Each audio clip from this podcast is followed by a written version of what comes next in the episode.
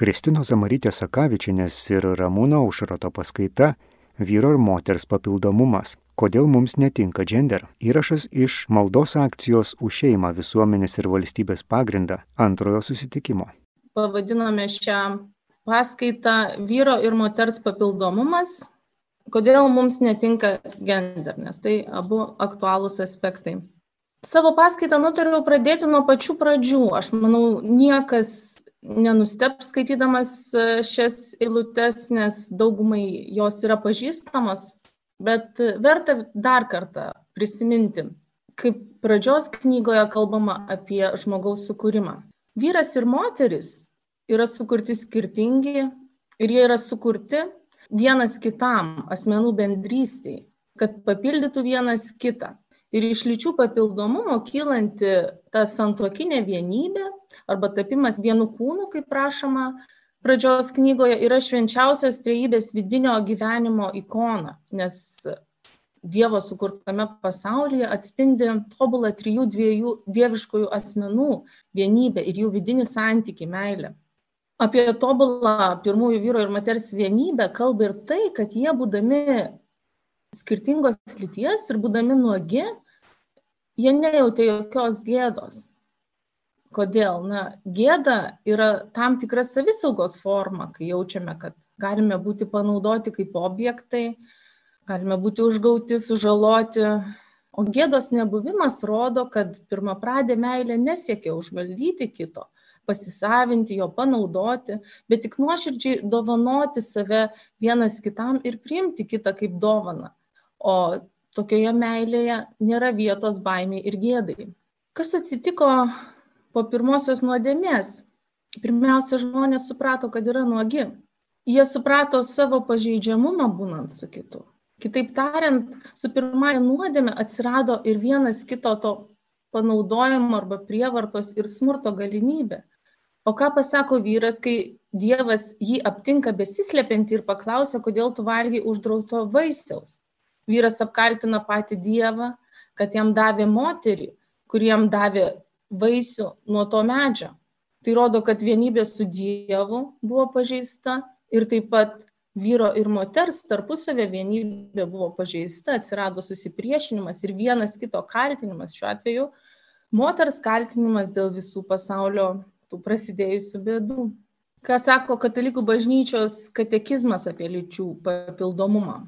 Tai, kad Dievas vyrui ir moteriai suteikia vienodą kilnumą arba rumą, ir taip pat, kad e, šie pildo vienas kitą, praturtina šeimos gyvenimą ir visos visuomenės gyvenimą. Šią įžangą norėjau išryškinti du, du svarbius aspektus, kalbant apie Stambulo konvenciją ir kalbėti apie jos jau pasaulietinę kalbą. Lytis skiriasi ne tik anatomiškai, vyrų ir moterų skirtingumą patvirtina na, daugybė daugybė mokslinių duomenų. Iš tikrųjų, aš čia nesileisiu į detalės, nes čia būtų tiesiog nesibaigiantys dalykai, sudėtingi, labai įdomus. Tačiau mes matome, kad tiek psichologinėme, tiek lastelių, tiek genetinėme ir kituose ligmenyse vyrai ir moteris iš prigimties skiriasi ir tie skirtingumai surėdyti taip, kad papildytų vienas kitą pavyzdžiui vyrų ir moterų smegenų jungčių arba smegenų struktūrų žemėlapiai labai darniai vienus, vieni kitus papildo ir tą įdomu matyti. Taip pat vyrų ir moterų skirtumus puikiai matome šeimos ir socialinėme gyvenime, turbūt neverta vardinti, kaip mes visi, na, tiesiog turbūt kasdieniam gyvenime galime pastebėti, kaip skirtingi berniukų ir mergaičių interesai pasireiškia vaikų žaidimuose, o vėliau profesiniuose pasirinkimuose, būties darbų pasidalinime. Tai nėra griežti dėsniai, bet daugiau tendencijos, kaip paprastai būna. Galiausiai šios skirtumus, kurie yra palankus šeimos sukūrimui ir darniam gyvenimui šeimoje, puoselėja kultūra, papročiai ir tradicijos per taip vadinamus socialinius arba lyčių vaidmenis. Tačiau svarbu pastebėti, kad jie neegzistuoja atskirai nuo prigimtinio skirtingumo, bet iš jo kyla. Kitas svarbus aspektas šiandienos temoje, kai kalbame apie Stambulo konvenciją, na, yra taip tiesa, kad iš tikrųjų egzistuoja smurtas šeimoje ir pagal pranešimų statistiką jį žymiai dažniau patiria moteris. na, galbūt nėra ta statistika visiškai tiksliai iškalbinga, nes, na, čia klausimas, kiek vyrai praneša apie smurtą, kiek yra smurto labiau sužalojančio arba, sakykime, psichologinio smurto. Ir nebejotina, kad smurtas prieš silpnesnio, ypač vyro prieš moterį, yra didžiulis blogis. Čia visi su tuo sutinka ir visi supranta, kaip svarbu siekti, kad jo būtų kuo mažiau. Tad, tačiau tam, kad siektume mažinti smurto apraiškas, mums yra svarbu aiškiai ir teisingai suprasti jo priežastis. Kaip teigia akademinė literatūra, smurtas negali būti vie, nulemtas vieno veiksmio. Priežastys yra kompleksinės ir skirtingų ligmenų. E, sisteminės Lietuvai būdingos priežastys yra, pavyzdžiui, alkoholizmas, labai, labai rimta priežastis, nedarbas, skurdas, Smurtą lemia negebėjimas taikiai spręsti konfliktus, agresijos nevaldymas. Labai didelį įtaką turi vaikystėje patirtas smurtas ar dažnai stebėtas tėvų tarpusavio smurtas. Kita reikšminga smurto šeimoje priežastis, kurią išskiria smurto tyrinėtojai, yra tas nevisavertiškumo jausmas susijęs su, pavyzdžiui, žemu socialiniu statusu arba žema ekonominė padėtim. Tokį, na, akivaizdžiai kilnų siekį kovos su smurtu deklaruoja Stambulo konvencija, apie kurią na, mes šiandien ir norime pašnekėti. Tai yra Europos tarybos dokumentas, kurį Lietuva jau yra pasirašiusi, todėl na, savo įstatymuose jau galėtų įgyvendinti nuostatas, kurios jai atrodo svarbios iš tiesų. Netgi socialinės apsaugos ir darbo ministerija yra parengusi atitinkamą projektą, kuriame stengiasi tas mažiau problemiškas nuostatas kažkaip tai įdėkti, kurios padėtų kovoti su smurtu. Na, tas projektas yra iš tiesų taisytinas, bet ties jo dirbama. Tačiau taip pat kaip vienas iš koalicijos, naujosios valdančiosios koalicijos tikslų sutartyje tarp partnerių tos koalicijos yra numatytas ir konvencijos ratifikavimas. Na tiesa, su palikta galimybė turėti tam tikrus skirtumus partijose atskiruose, nors, nors kaip matome dabar iš tos partijos sudėties, tie skirtumai tokie, na, arba kitokią nuomonę turintys žmonės gali ir neturėti reikšmingos persvaros. Tai tas, ta konvencijos ratifikavimo grėsmė yra labai reali. Ratifikavus šią konvenciją, ji taptų aukštesnės galios nei visi Lietuvos įstatymai, išskyrus konstituciją. Vadinasi, visa Lietuvos teisinė sistema turėtų būti adaptuota pagal tos konvencijos nuostatas. Na ir dėl konvencijos nebejotinai kilnaus tikslo nėra na, patogu ją kritikuoti, nes esame kaltinami, kad palaikome smurtą moterų diskriminaciją. Ir visgi vis tiek svarbu įvertinti idėjinį konvencijos pagrindą ir tai, kokiomis priemonėmis šito tikslo siekiama, ar einama teisinga kryptim. Tai čia matome Stambulo konvencijos preambulės nuostatą kuris skamba taip. Smurtas prieš moteris yra istoriškai susiloščiusių neligių vyrų ir moterų galios santykių išraiška, kuri lėmė vyrų dominavimą moterų atžvilgių bei moterų diskriminavimą ir iškirto kelią visą vertai moterų pažangai.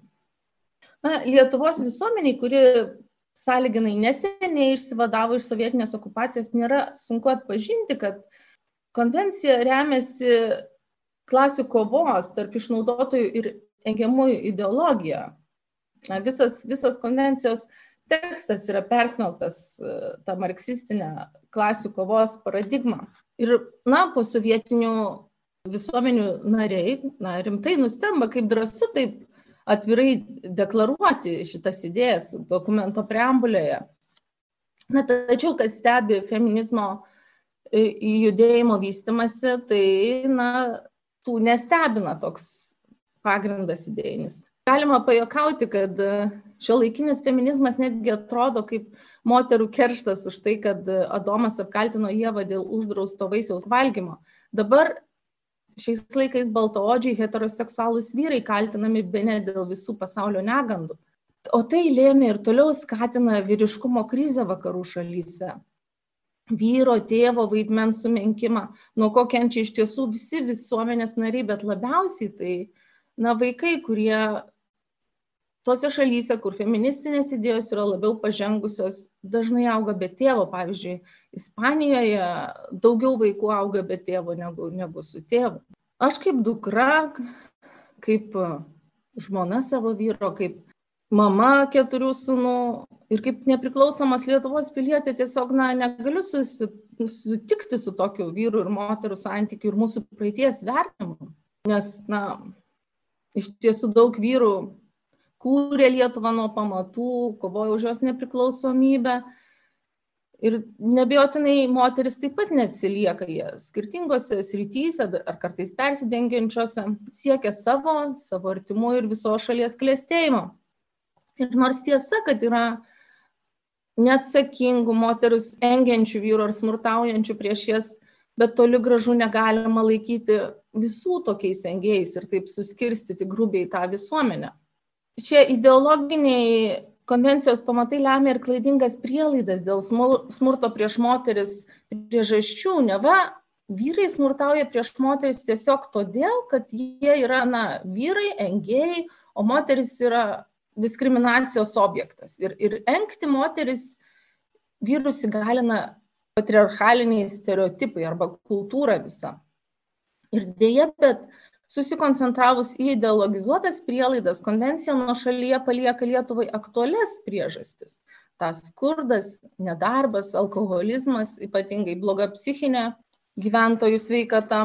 Iš ideologizuotų prielaidų konvencijos kyla ir įdingos smurto prevencijos priemonės. Štai pavyzdžiui, ką 12 konvencijos straipsnis sako, jis įpareigoja imtis visas valstybės, kurios ratifikuoja šią konvenciją, tokių priemonių, kuriomis būtų skatinami socialinių ir kultūrinių moterų ir vyrų elgsenos modelių pokyčiai, siekdamas panaikinti prietarus, papročius, tradicijas ir visą kitą praktiką, grindžiamų žemesnės moterų padėties idėja arba stereotipiniais moterų ir vyrų vaidmenimis. Svarbu atkreipti dėmesį, kad šis straipsnis supainioja skirtingus dalykus, skamba lyg ir neblogai, bet matome straipsnis įpareigoja naikinti papročius ir tradicijas, grindžiamus stereotipiniais vyrų ir moterų vaidmenimis, net ir tais atvejais, kai tie vaidmenys nėra paremti žemesnės moterų padėties idėja. Taigi pareigoja naikinti visas tradicijas ir papročius, kurie grindžiami lyčių vaidmenimis. Iš kur ši nuostata kyla? Nepaisant gausybės mokslinių duomenų ir taip pat akį rėžiančių socialinių faktų, Feminizmo judėjimas teigia, kad skirtingus berniukų ir mergaičių žaidimus, profesinius pasirinkimus, vaiko, pavyzdžiui, priežiūros atostogų ar namų ruošos pasidalinimą namuose lemia vien tik visuomenės primesti stereotipai. Ir šie stereotipiniai vaidmenys, na, anot feminizmo, yra patriarchato struktūrinės moterų priespaudos įrankiai, kuriomis vyrai engia moteris. Iš šių stereotipinių vaidmenų pagal konvenciją kyla ir smurtas prieš moterį, moteris, todėl jie turi būti panaikinti. Kitaip tariant, yra nusitaikyta į esminį šitą lyčių skirtingumo ir papildomumo principą. Feminizmas bando šį prigimtinį papildantį skirtingumą vyro ir moters paneigti, o feminizmo įkvėpta ta Stambulo konvencija siekia pakeisti vyrų ir moterų elgesio modelius bei naikinti su tuo susijusias kultūrinės normas, tradicijos, papročius, nes tai laiko smurto šaltiniu.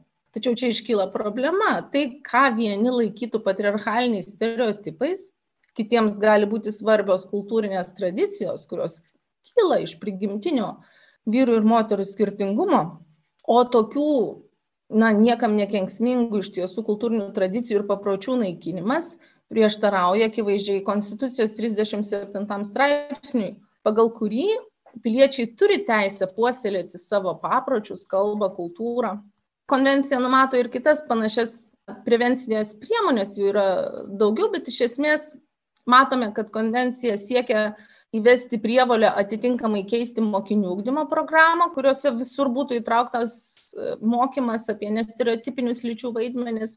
Na ir taip pat apibendrinant tiesiog visas tas priemonės galima pasakyti, kad konvencija įvestų tokį gana sudėtingą viešo ir privataus gyvenimo kontrolės ir institucijų monitoringo sistemą, kuri pasitelktų įvairias politinės galės, tiek Lietuvos valdžios institucijas, nacionalinės ir tarptautinės organizacijas, švietimo įstaigas, žiniasklaidos, kultūros priemonės, tam, kad būtų perauklėta visuomenė ir keičiamas gyventojų elgesys, atsisakant tų stereotipinių lyčių vaidmenų ir dėgiant naujus.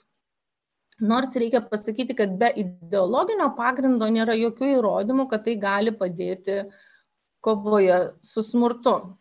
Paguglinau kaip pavyzdį parodyti, kaip Lietuvos feminiščių organizacijų ir nevyriausybinio organizacijų grupė savo deklaracijoje įvardina vieną iš siekių, čia yra nesena deklaracija, ir tai tik vienas iš pavyzdžių, kuria linkme būtų keičiamas stereotipinis vyrų ir moterų elgesys kad na, turėtų būti suvienodintos teisės ir pareigos profesinėje veikloje, namų rašai, auginant vaikus ir taip toliau. Skamba iš tikrųjų gražiai ir todėl, na, lyg ir nėra tiesiogiai prie ko prikipti, bet bėda yra ta, kad tai daroma dirbtinai ir kartais privalomomis priemonėmis visų šeimų atžvilgių. Pavyzdžiui, na, kad ir tas garsusis pavyzdys, trumpinant motinystės atostogos ir per pusę dalinant vaiko priežiūros atostogos su tėčiu, kad mama greičiau galėtų įsilieti į darbo rinką ir siekti karjeros bei to galios pozicijų, kuriu, kurias dabar anot feminiščių užima vyrai. Na, kitaip tariant, pirmiausia, sumenkinama motinystė kaip nepakankamai svarbus dalykas, o tada siekiama dirbtinai priversti moteris užsimti tuo, ką daro vyrai, kaip na, svarbesniais darbais, generuojančiais didesnę galę. Deja, bet na, tokios priemonės nežvelgia į moterų norus, tiesiog į natūralų troškimą išpildyti save motinystėje, natūraliai skirtingus vyrų ir moterų interesus, kokią profesiją pasirinkti, ar tą skirtingą netgi polinkį į konkurenciją vyrai ir moteris turi. Čia yra citata iš Vilniaus moterų namų, tai yra turbūt be ne, nu, sakyčiau, garsiausia organizacija, kuri kovoja už Stambulo konvencijos ratifikavimą, metodinės rekomendacijos. Jos yra skirtos visoms institucijoms ir organizacijoms, kurios dirba su smurtu prieš moteris. Iš tikrųjų, tos organizacijos tikrai daro daug labai svarbaus darbo, bet aš šitą va, citatą paėmiau tam, kad, kad neretai girdime, na, ne tik iš oponentų, bet netgi iš savo brolių ir sesijų katalikų, kad galbūt mes pernelyg įtariai žiūrime į tą konvenciją ir skaitome tai, kas ten neparašyta, kad na, nepagristai nepasitikėme oponentais, jų gera valia, tai tiesiog norėjau iliustruoti, kad oponentai iš tikrųjų, na, taip pat supranta konvencijos tekstą kaip ir mes, tik tai dėl skirtingų pažiūrų jie pritarė, nes tai atitinka jų ideologiją, o mes manome, kad, na, problemiška. Štai kaip tose metodinėse rekomendacijose kalbama. Na, pavyzdžiui, nereikia laikytis įsikibus tokių konstruktų kaip lytis, nes kiekvienas žmogus laisvas pasirinkti savo priimtiną socialinį vaidmenį, nėra tiesioginio priežastinio ryšio tarp biologinės lyties ir kultūrinių socialinių vaidmenų. Kitaip tariant, anatominė lytis neapsprendžia vaidmenų, kuriuos asmo gali atlikti. Pagrindinė kova čia vyksta su lyčių vaidmenų stereotipais, būdingais patriarchaliniai visuomeniai. Na, tai yra tik vienas pavyzdys, bet iš tikrųjų na, yra labai daug panašaus turinio dokumentų, kuriuos skelbia viešai organizacijos, tos feministinės organizacijos. Tai savo dalį aš norėčiau pabaigti klausimais. Ar verta įtvirtinti vyrus ir moteris supriešinančią engėjų ir engiamųjų paradigmą, o gal geriau kovojant su smurtu daryti priešingai, geriau siekti sutaikinimo, darnos, darnos šeimoje, kad artėtume prie tos pirmą pradės santokinės vienybės, į kurią mus pašaukė Dievas. Ar kultūriniai papročiai ir tradicijos, kylančios iš prigimtinio vyro ir moterų skirtingumo, turi būti naikinami? Gal iš tiesų reikia naikinti tik tuos stereotipus, kurie susijęs su žemesne moterų padėtimi, bet ne visus papročius ir tradicijas ir, ir, ir vaidmenis ar elgesio modelius, kurie yra susijęs su, su vyru ir moterų skirtingais vaidmenimis. Gal geriau netgi daryti per kultūrą ir tradicijas puoselėti vyro ir moters idealus, kurie atskleistų tą lyčių skirtingumo ir papildomumo grožį, padėtų stiprinti tai, kas yra geriausia vyro ir moters prigimtyje, kas padeda sukurti šeimą ir darniai joje gyventi. Tiek, toliau Ramūnas atsakytų turbūt į tą klausimą, vieną iš esminių klausimų, kalbant apie Stambulo konvenciją, kokie nestereotipiniai lyčių vaidmenys būtų dėgiami su ta konvencija ir, na, detaliau paaiškintų apie gender klausimą ir kodėl jis mums netinka.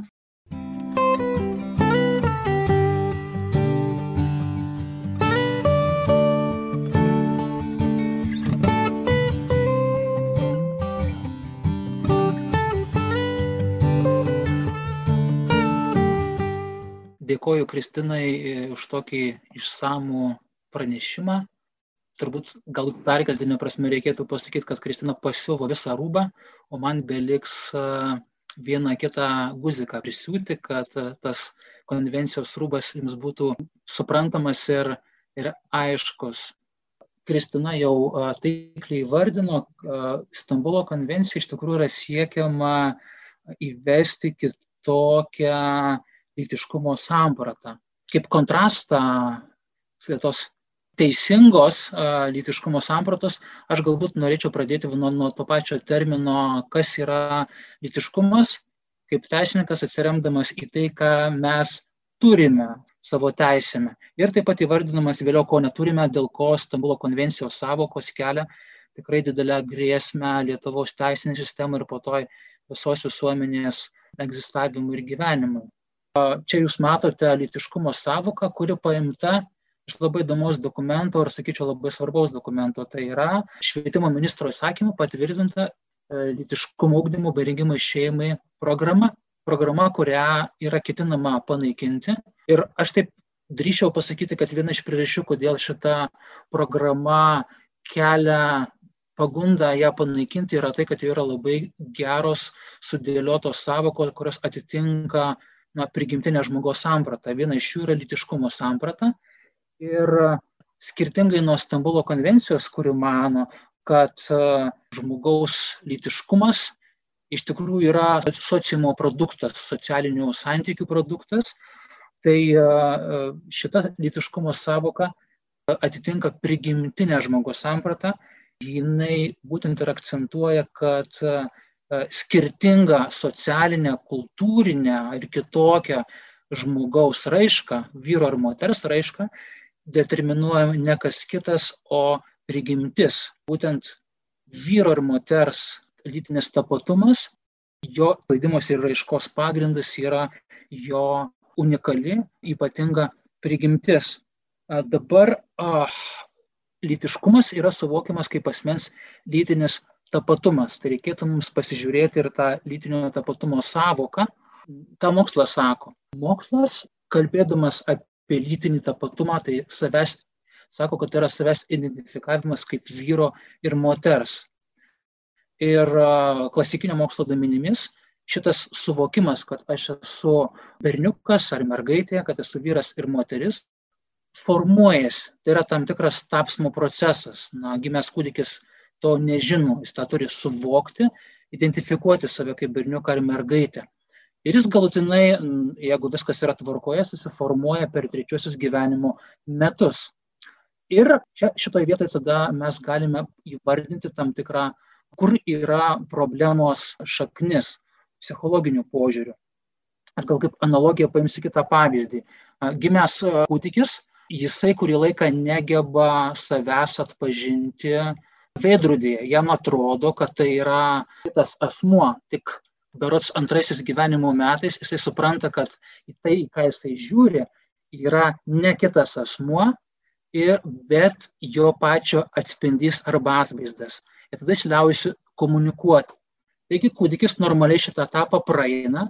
Ir dabar įsivaizduokim situaciją, jeigu jisai nepraeitų šito etapo jeigu kūdikis taip ir užstriktų šitame etape raidos, kad jis kiekvieną kartą žiūrėdamas ir būdamas jau suaugęs žmogus, žiūrėdamas į veidrodį, jisai matytų a, kitą žmogų ir bandytų su juo komunikuoti. Turbūt pasakysite, kad tai, yra tragedija, kad tai yra kažkas negerai ir kažką su tuo dalyku reikia daryti. Taigi pagal tą pačią analogiją mes galime pritaikyti ir lytinio tapatumo vystimosi sutrikimų. Tai yra visiškai panašus dalykas, kai taip kaip turėtų būti neįvyksta, kad berniukas arba mergaitė na, neįgyja arba neįsitvirtina jo lyties tapatumo suvokimas tas dalykas yra laikomas sutrikimu, psichiniu sutrikimu ir yra reikalinga tokiam žmogui padėti. Ir lytinį tapatumą reiktų skirti nuo lyties tapatybės idėjos, kuri yra ideologinė savoka. Ir šitą ideologinę savoką, kurią naudoja LGBT asmenys. Ir tą lyties tapatybę jie suvokia kaip unikalų savo lyties pajautimą ir nepriskirimą konkrečiai lyčiai. Dabar, kodėl aš apie tai kalbu, todėl kad turbūt mums visiems, ypač krikščionėms, turbūt labai reikia atskirti asmenį ir atskirti ideologiją. Viena yra asmuo ir jo, tarkime, tam tikras psichinis sutrikimas, kuris įsivystė dėl tam tikrų priežasčių, kurių visų mokslas, tikrų, dar nėra identifikavęs. Ir kitas dalykas yra ideologija, kuri bando tuo, tuo pagrindu konstruojate tam tikrą teoriją apie žmogaus prigimtį. Tai nėra tapatus dalykas. Ir taip pat, kalbant ir apie asmenis, reikia atskirti tuos, kurie tyliai ir atkakliai neša savo kryžių susijusiu su homoseksualiu potraukiu arba su lyties tapatumo sutrikimu ir atskirti tuos asmenis, kurie iš tikrųjų per lyties tapatybės raišką bando susikrauti savo erotinį kapitalą. Yra tokia erotinio kapitalo teorija. Ir matote vieną iš tų labai gerai Lietuvoje žinomų asmenų, lietuvių kilmės modelį, pasikeitusi lytį, kuris iš tikrųjų iš to valgo duoną, kraunasi savo socialinį kapitalą ir, ir, ir pinigėlius. Tuos dalykus mes iš tikrųjų turėtume skirti ir atitinkamai ir vertinti, kur yra sutrikimas, kur yra erotinio kapitalo kaupimas, kur yra ideologija tam tikra, kuri e, visiškai kitaip e, supranta žmogaus prigimtį. Lyties tapatumo formavimas etapus matote.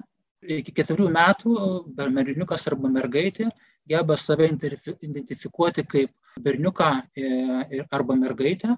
Ir čia yra labai svarbus iš tikrųjų tėvų vaidmuo. Kam man teko rasti, kad kalbant apie lyties tapatumo formavimąsi, būtent tėčio vaidmuo yra esminis. Tyrimai socialiniai rodo, kad būtent tėtis yra labiau linkęs pabrėžti savo vaiko priskirtinumą vienai ar kitai lyčiai. Taigi turint omeny tą, šitą kontekstą ir turint omeny, kad labai daug mergaičių ir berniukų auga su mamomis, įsiskyrusiose šeimose, kur kartais mamos yra nukentėję nuo, nuo netinkamo santykių, kurį turėjo su tėčiu, tada iš peršasi viena tam tikra išvada, kad galbūt tas lyties tapatumo krizė yra kartu ir santokos krizė, ir vyriškumo krizė.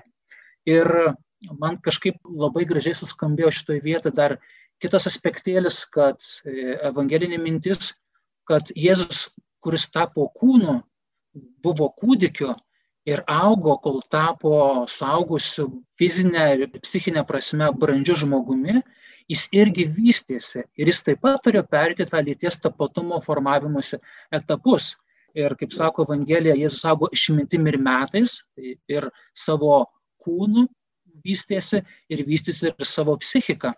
Ir man atrodo, kad neatsitiktinai jisai turėjo globėją šventą Juozapą, kuris kaip tėvas padėjo jam šitą etapą įveikti ir įgyti tą pilnavertį lyties tapatumą ir savo savęs kaip vyro e, suvokimą. Tai gyvendami šiemet Švento Juozapo metais atsiminkime ir šitą Švento Juozapo funkciją, kuri buvo jam šioje žemėje Dievo duota. Ir kaip minėjau, tais atvejais, kai įkyla problema, kai vyksta kažkas negerai, tai psichiatrijoje neįvykęs ta, susitapatinimas su savo lytimi yra vadinamas transseksualumu. Dabar naudojama kiek truputėlį švelnesnė savoka, bet kuri iš esmės išreiškia tą patį, tai yra sumišimas dėl lyties. Ir tas transseksualumas apibūdina faktą, kai žmogus savo lytinę tapatybę suvokia kardinaliai priešingą savo biologiniai lyčiai. kaip vyras jaučiasi manos ir sakosi, kad jis yra moteris, nors fiziologinė prasme, e, tiek biologinė prasme, tiek ir anatominė prasme, jisai turi visas e, vyriškas savybės ir įsivyčiusius ir funkcionuojančius lytinius organus. Ir o, kalbant apie tai, kokios gali būti priežastys, sakau, mokslas dar kol kas nežino ir turbūt yra ir tam tikras barjeras ieškoti priežasčių šitame ideologiniam kontekste, bet vieną labai gražią mintį mums apie gender ideologijos priežastis pasufleruoja popiežius Pranciškus. Žmogus yra visgi santykio būtybė, jisai tampa žmogumi santykėje su kitu. Ir vyras atpažįsta save santykėje, kad jis yra vyras labiausiai santykėje su moterimi, ir ypač santokoje, lygiai taip pat ir moteris atpažįsta labiausiai savo skirtingumo unikalumą santykėje su vyru ir ypač santokoje. Taigi, pavyzdžiui, Pranciškus tokią išvalgą yra pasakęs, kad galbūt šita gender ideologijos priežastis, kuris skatina nesitapatinti su savo lytimi, bet ieškoti kitokios lytinės raiškos, yra susijusi su kito kaip kitokio susidūrimo baime. Man kažkada teko matyti tokį filmą, kvailas filmas su Madona ir jame buvo vaizduojama moteris ir jos geriausias draugas. Jos geriausias draugas buvo gėjus, kuris ją supranta, užjaučia, priima, iš pusės sakinio viską supranta. Ir jie niekam nesisekė rasti draugo, nes visada įdama į pasimatymus jinai sukonfliktuodavo, nusivildavo ir taip toliau ir taip toliau. Ir tai reiškia, negebėdavo tą susidūrimą su kita lytimi paversti kažkuo pozityviu ir per tai išeiti į kitą, į kitą etapą. Ir tą susidūrimą kito su kitokiu turbūt mes labai patirime šeimoje, kurioje tėtis ir mama. Ir matymas šeimoje, kaip tėtis ir mama susitinka, kartais sukonfliktuoja, kartais susipyksta, tą galima vadinti krizėmis, bet galiausiai atleidžia viens kitam įveikia ir perina, mes galime vadinti ir galimybę, ir taip pat tam tikrų tapsmų, vyro ir moters tapsmų. Taigi vaikas, kuris nepatiria šitų dalykų, arba kaip tik yra patyręs smurtą, arba mama yra patyrusi smurtą, turbūt užsifiksuoja jam, kad šitas susidūrimas su kitu visada yra skausmingas ir nepakeliamas. Todėl popiežius Pranciškus sako, kad tas požiūris, kad reikia panaikinti seksualinius skirtumus, kyla iš to, kad yra nebežinoma, kaip priimti jų keliamą iššūkį. Ir toks požiūris iš tikrųjų nėra sveikas. Katalikų bažnyčios pozicija, įsakyta kunigmičios katekizme, yra ta, kad kiekvienas žmogus, ar jis būtų vyras ar moteris, turi pripažinti savo seksualinį tapatumą ir su juo sutikti. Ir aišku, bažnyčia tai sakydama nesupranta, kad kartais tai yra sunku padaryti, ypač kai yra uh, mano minėtas psichinis sutrikimas. Todėl bažnyčia atskiria du dalykus, kaip panašiai kalbėdama apie homoseksualumą, skiria asmenį ir jo raišką. Lygiai taip pat jinai irgi šitoje vietoje kviečia skirti asmenį ir, ir jo veiksmus. Jis yra įsitikinusi, kad, kaip Kristina gražiai pasakė, kad žmogus yra sukurtas pagal dvipolį lyčių modelį, kaip vyriškis ir moteriški, Tačiau yra taip pat sako, kad to negalima redukuoti iki socialinio konstrukto ir manyti, kad tas vyriškė ir moteriškė tos prigimtinės duotybės gali sviruoti, vaikščioti ir taip pat kisti.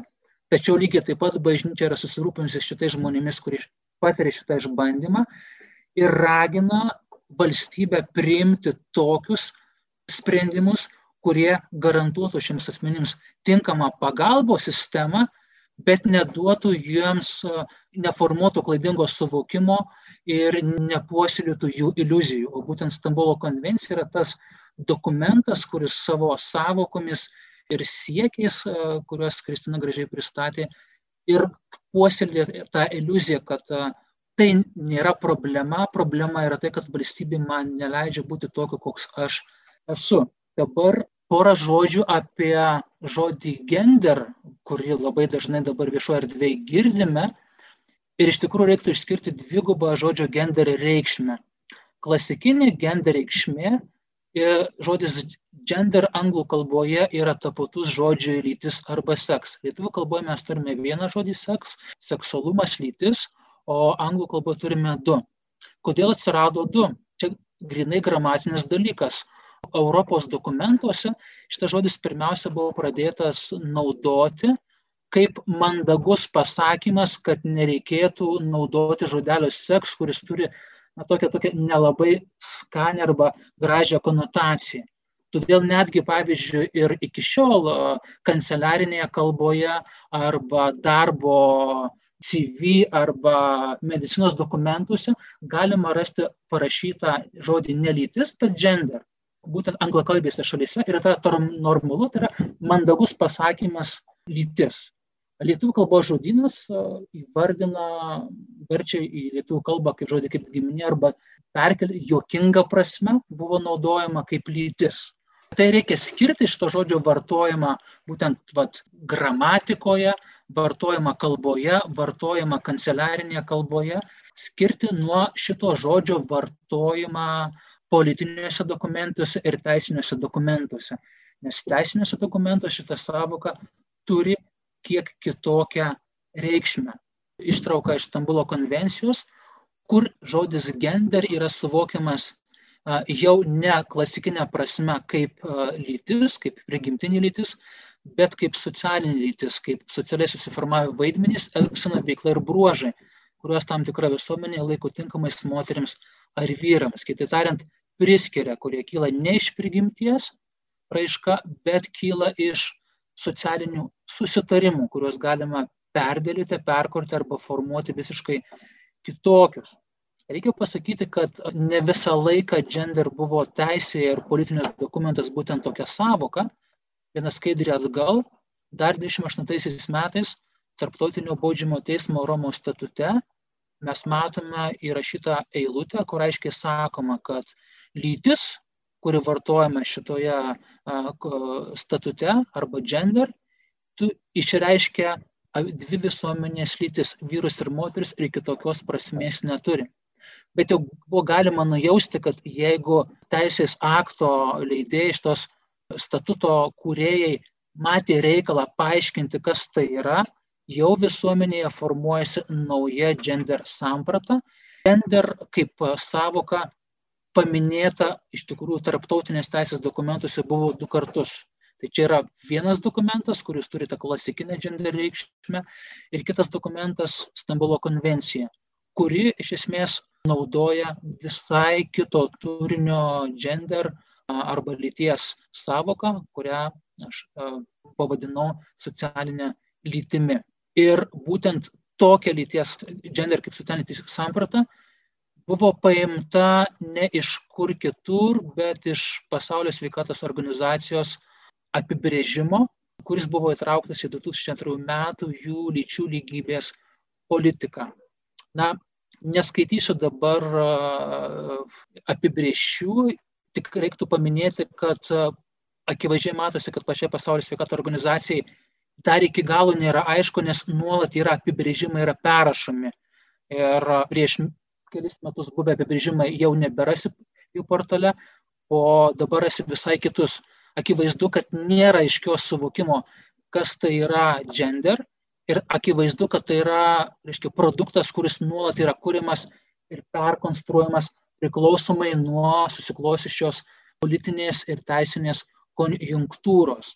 Bet kas turbūt akivaizdžiai atspindi, kad Stambulo konvencija turi būtent ideologinį su prigimtimi nieko bendra neturinčią lyties sampratą, tai yra gender apibrėžimas, kuris juodant balto pasaulio sveikatos organizacija rašo, kad žmonės gimsta kaip vyrai ir moterys, bet išmoksta būti berniukais ir mergaitėmis, netampa, bet išmoksta, ir kurie užauga vyrais ir moterimis, bet ne jais tampa.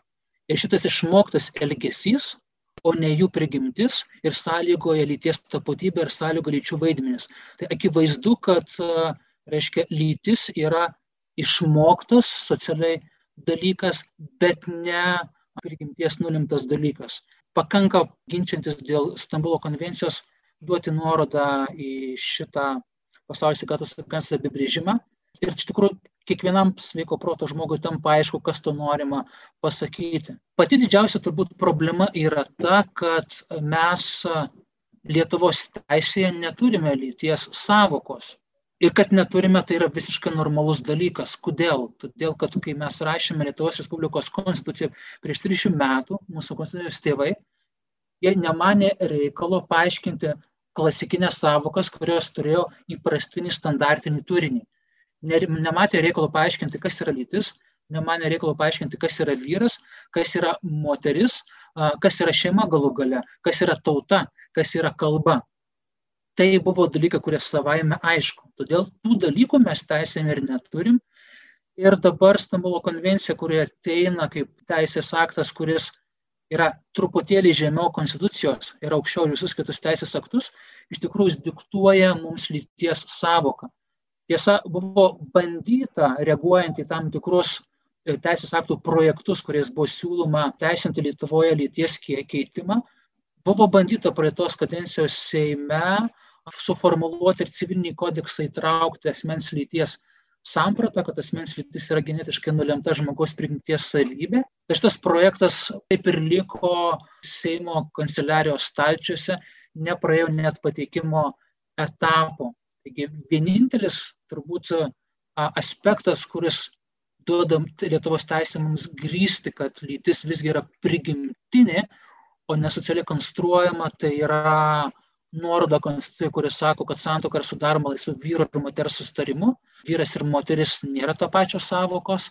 Ir taip pat civiliniam kodeksui esanti lyčių papildomumo idėja, mintis, tiesa, kuria remiantis ir yra formuluojama ir šeimos samprata.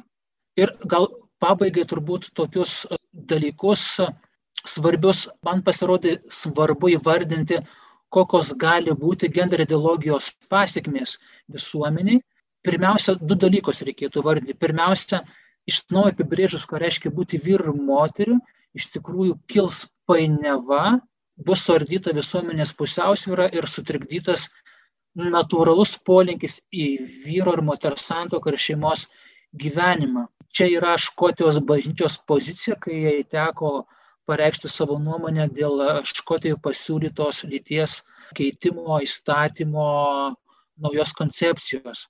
O Benediktas XVI, dar būdamas tikėjimo ir mokslo kongregacijos prefektu, notoje dėl homoseksualių asmenų sąjungų teisinio pripažinimo, irgi įvardina tą patį dalyką, panašų gana dalyką, sakydamas, kad, reiškia, iš gender ideologija, jos supratimas apie lytį iš tikrųjų potencialiai formuoja jaunai kartai klaidingą lytiškumo ir šeimos sampratą.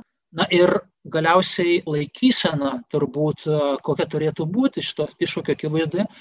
Pirmiausia, kaip ir kalbant apie šeimą, mes sakome, kad šeima yra pirmo negu valstybė ir valstybė negali apibriežti šeimos, neturi tokios galios. Lygiai taip pat ir kalbant apie biologinio seksualinį skirtingumą, apie lyties tikrovę, lygiai taip pat lytis yra pirmiau negu valstybė.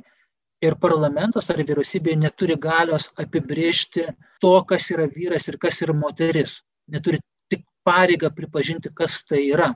Kaip ir santoka, tai kaip ir šeima, lytis, lyčių skirtingumas yra prigimtinio įstatymo dalis, nekintantis žmogaus egzistavimo principas. Ir todėl tai tiek visuomenės nariams, tiek krikščionims, tiek ir bažnyčiai iš tikrųjų reikia nuolat priminti valstybei būtinybę, neleisti šitam reiškiniui peržengti ribų, kurie, kuris kelia pavojų visuomenės stabilumai ir įspėjant apie tai, kad tai visų pirma kelia grėsmę ir jaunai kartai, formuodama klaidingą litiškumo ir santokos sampratą. Tai ačiū, būtų tiek. Girdėjote Kristino Zamarytio Sakavičianės ir Ramūno Aušroto paskaitą Vyro ir moters papildomumas, kodėl mums netinka gender. Įrašas iš maldos akcijos už šeimą, visuomenės ir valstybės pagrindą antrojo susitikimo.